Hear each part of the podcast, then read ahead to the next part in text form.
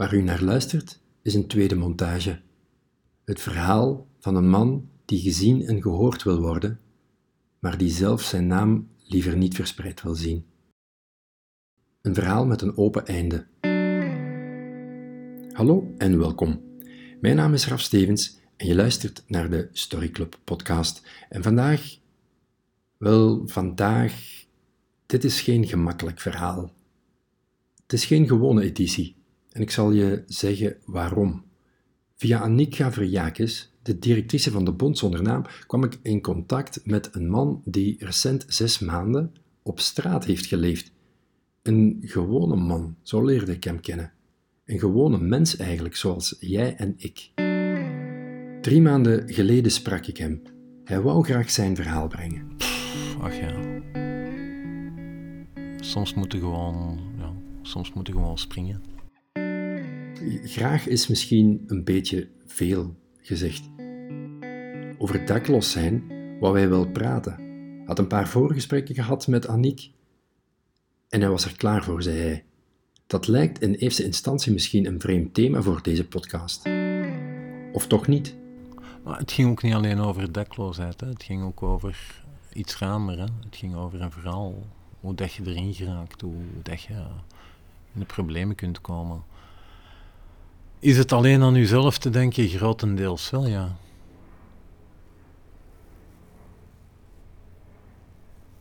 En vooral, wat is die grote oorzaak? Onzekerheid over jezelf. Wie ben ik? Wat kan ik? Hoe zien de anderen mij? Terwijl hoe dat anderen mij zien, eerlijk gezegd, je m'en. Nu. Nu. Tierlantijn, versier me maar met schone schijn. Wil alleen maar die man in de spiegel zijn.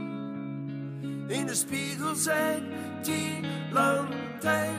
Versier me maar met schone schijn. Wil zo graag die man in uw ogen zijn. In uw ogen zijn, tierlantijn. Ach ja. Soms moet je gewoon, ja, soms moet je gewoon springen. Zoals ik al zei, geen gemakkelijk verhaal. Maar mijn gast, hij wou zijn verhaal brengen en dat deed hij nog nooit eerder. Niet tegen zijn vrienden, niet tegen zijn familie. En ook mijn kinderen hebben nooit van iets geweten, zei hij, maar hij wou springen. Als ik nog iets wil bereiken, zal ik nog wel een paar keer moeten springen. Hij ziet me staan, streel me met uw blik. Raak mij zonder raken tot u me ziet. Oh, ik heb nood aan u, nog meer nood aan ik. Maar wat ben ik zonder u? Zonder u zijn ik niet. Fluister in woud, doorbreek het isolement.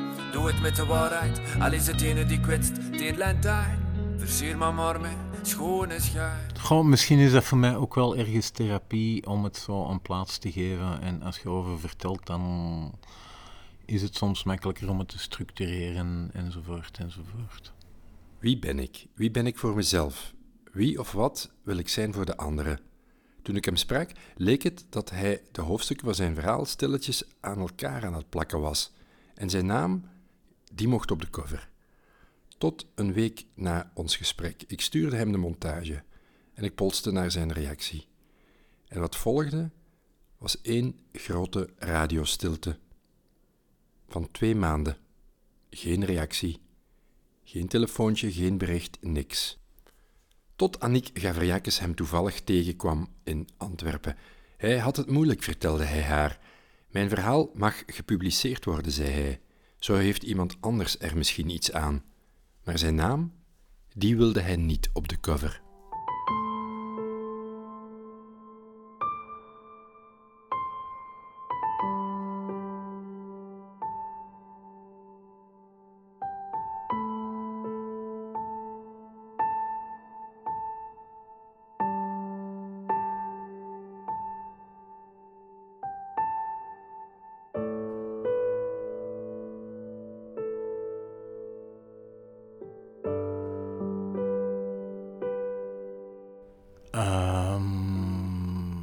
Ik ben niet getrouwd geweest, wel samenwonen, twee kinderen, eigen huisje, eh, scheiding meegemaakt, eh, dan proberen alleen te redden. eh,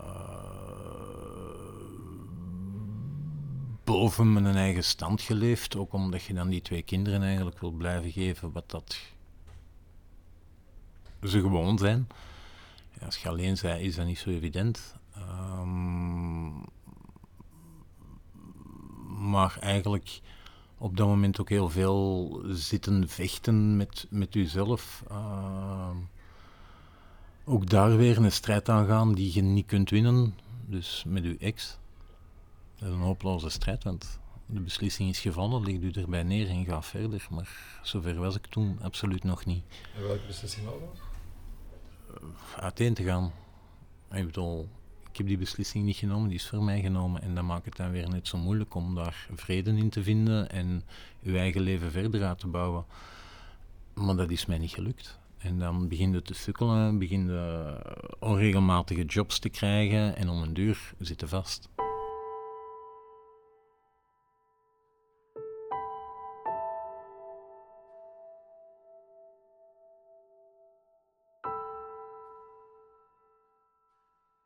Ik heb tot mijn, mm, moet ik even denken, tot mijn tien jaar een totaal onbezorgde jeugd gehad. En dan is het eigenlijk omgeslagen. Uh, op welke manier? Um, enfin, ik kom uit een, uh, uit een heel rijke familie, langs beide kanten. Um, mijn moeder is alles verloren door de schuld van mijn vader. Zijn die ook nog gescheiden? Dat viel allemaal samen. Dus dan kwam je eigenlijk als kind ineens in een heel onzekere situatie terecht. Zowel maar financieel was in het begin zeker geen probleem, maar toch ook emotioneel. En dan, x aantal jaar later, is mijn vader ook nog over kop gegaan. Maar dan was ik al 23 jaar of zo. En dan viel ook daar de zekerheid weg. En kwam erbij dat ik samen met mijn broer dan weliswaar ja, eigenlijk ons moeder moest opvangen. Er was niks niet meer.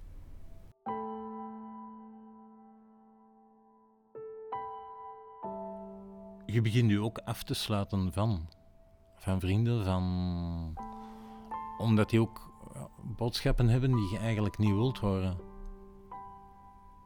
Of omdat je niet meer kunt volgen, financieel dan. Dus eigenlijk wordt je groep waarop je gaat steunen ook veel kleiner. En dus al hetgeen wat dat je hebt, brokkelt zo één voor één af. Ik, heb, ik ben altijd in de verkoop actief geweest. Um, nu, er zit dan na die scheiding nog een hartaanval tussen, wat dat dan maakte dat ik ineens een tijd geen werk had. Uh, dan moet je terug beginnen. Um, ja, je zit aan 2010, waar dat het toch ook allemaal niet zo makkelijk was. Dus, en, enfin, het zijn een hoop, een hoop factoren die samenkomen. Hè. Uh, ik heb in twee totaal verschillende sectoren gewerkt, dus je hebt nergens echt nog connectie. En dan kom je thuis, één week op de twee in een, in een leeg kot, zijn eigenlijk ook niet gelukkig. Emotioneel zijn niet in staat om een relatie op te bouwen. Dus wat doe je? Heel veel vluchtige relaties, maar daar worden ook niet gelukkig van. Dus om een duur ja, loopt er vast. De laatste job die ik heb gehad was echt helemaal mijn ding niet. Dat was deur-aan-deur verkoop van alarmsystemen. Um, ik heb dat maar aangenomen omdat dat mij toeliet om mijn rekeningen te betalen en toch nog iets of wat voor de kinderen te zorgen. Maar dat, dat heeft voor mij de doodsteek. Ik bedoel, ik was gewoon. Ja, weet je, om mijn deur zitten uh, leeg. En als je dan je huur niet meer kunt betalen, ja, dan, ja, dan houden we het op.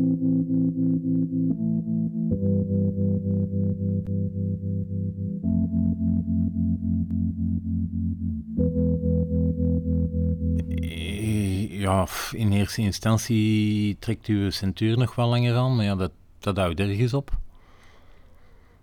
Um,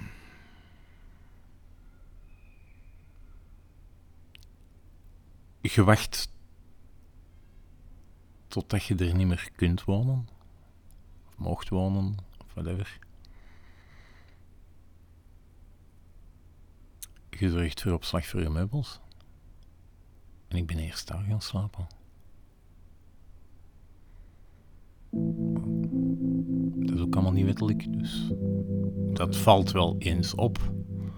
En dan worden vriendelijk gevraagd om dat niet meer te doen. En dan, oké, dan, dan, dan stop het dan.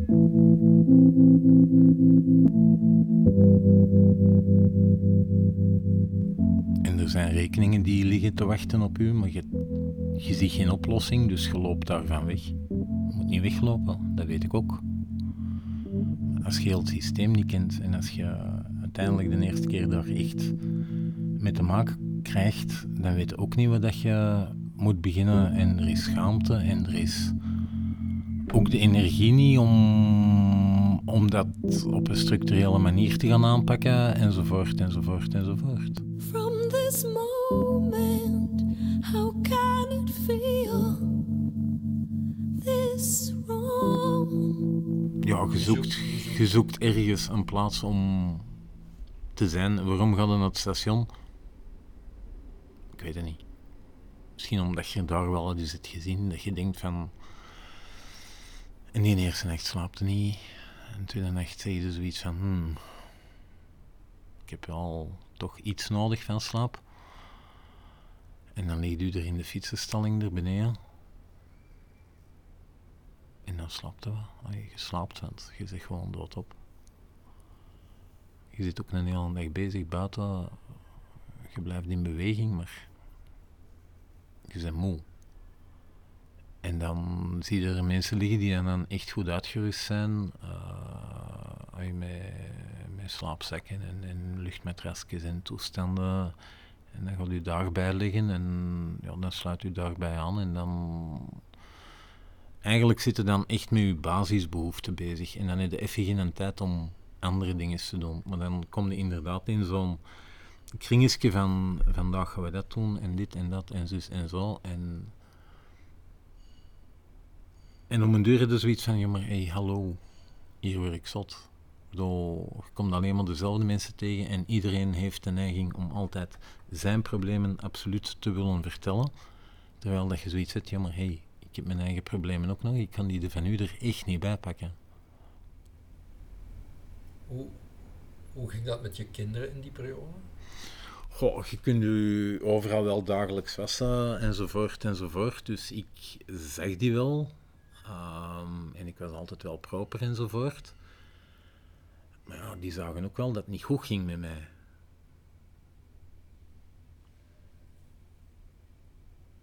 Maar wij hebben altijd wel contact gehouden. Wisten zij daarvan? Nee. Hoe kan je zoiets verborgen houden? Jezelf verzorgen. Oh, can't anybody see?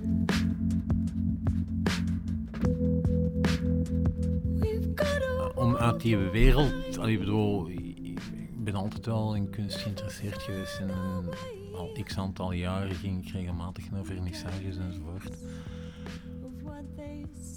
En ik ben dat blijven doen. Ik ben dat gewoon blijven doen om. om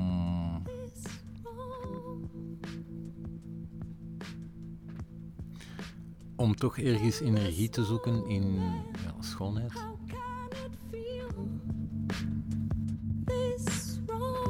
De sleutel is uiteindelijk gekomen terwijl dat ik. toen ik eerlijk durfde te zijn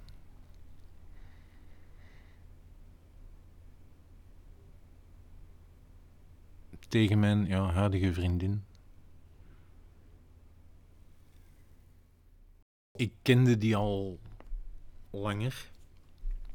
We hebben in het verleden ooit eens iets gehad. En dan via sociale media uh, terug contact gevonden, om het zo maar te zeggen. En samen dan is in Brussel een, uh, een fototentoonstelling gaan zien. En dan hebben wij Uh, dan, heb ik, tegen haar eerlijk gezegd wat aan mijn situatie zat. Dat ik ja, in een dakloze opvang zat enzovoort enzovoort. En dan um, ja, zijn wij iets begonnen. En ja, ondertussen woon ik er nu. Het is wel niet de bedoeling om daar te blijven wonen, omdat dat ten eerste niet zo evident is om in Antwerpen te werken en in Brussel te wonen. Um,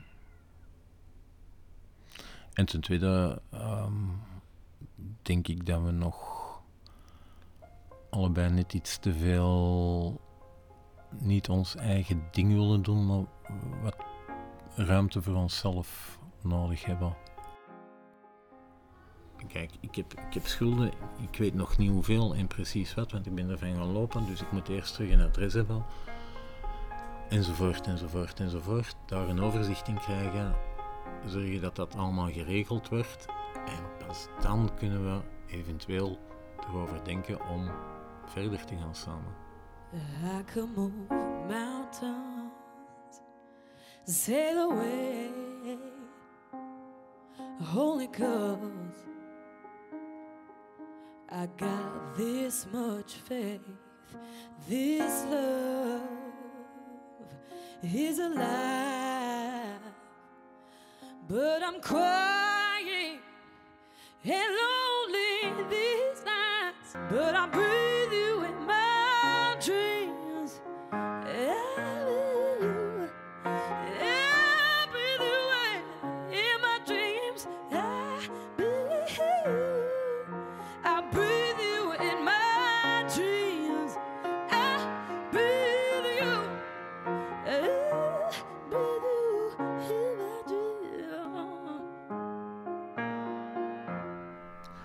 enerzijds zou ik graag iets doen met uh, design, meubels en toestanden. Dat heeft mij altijd ongelooflijk geboeid. Daar ken ik ook wel wat van. Um, Om wat te doen? Goh, er zijn hier in België zoveel goede ontwerpers uh, die ik eigenlijk onder één hoed zou willen samenbrengen en dan in Europa meer bekendheid geven en een soort agentuur opzetten of zoiets zoiets in die richting. Anderzijds, uh, door die um, meeting bij, bij Koen van Mechelen, met een paar mensen aan de praat geraakt die zeggen, ja, misschien moet ook eens iets in coaching gaan kijken, of je daar niks in kunt gaan doen. Um, mensen die even de draad kwijt zijn en ik, ik, ik, ik heb de neiging om nogal vlug naar de, naar de kern van de zaak te gaan. Omdat ik, ja, is geen niks zet. Um, wat heb ik daaruit geleerd? Ten eerste, blijf bij jezelf. Zet eerlijk. De... Um,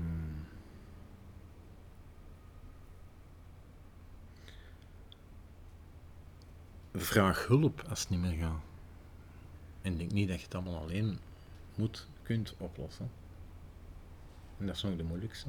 Hulp vragen. Tierlantijn, versier me maar met schone schijn. Wil alleen maar die man in de spiegel zijn.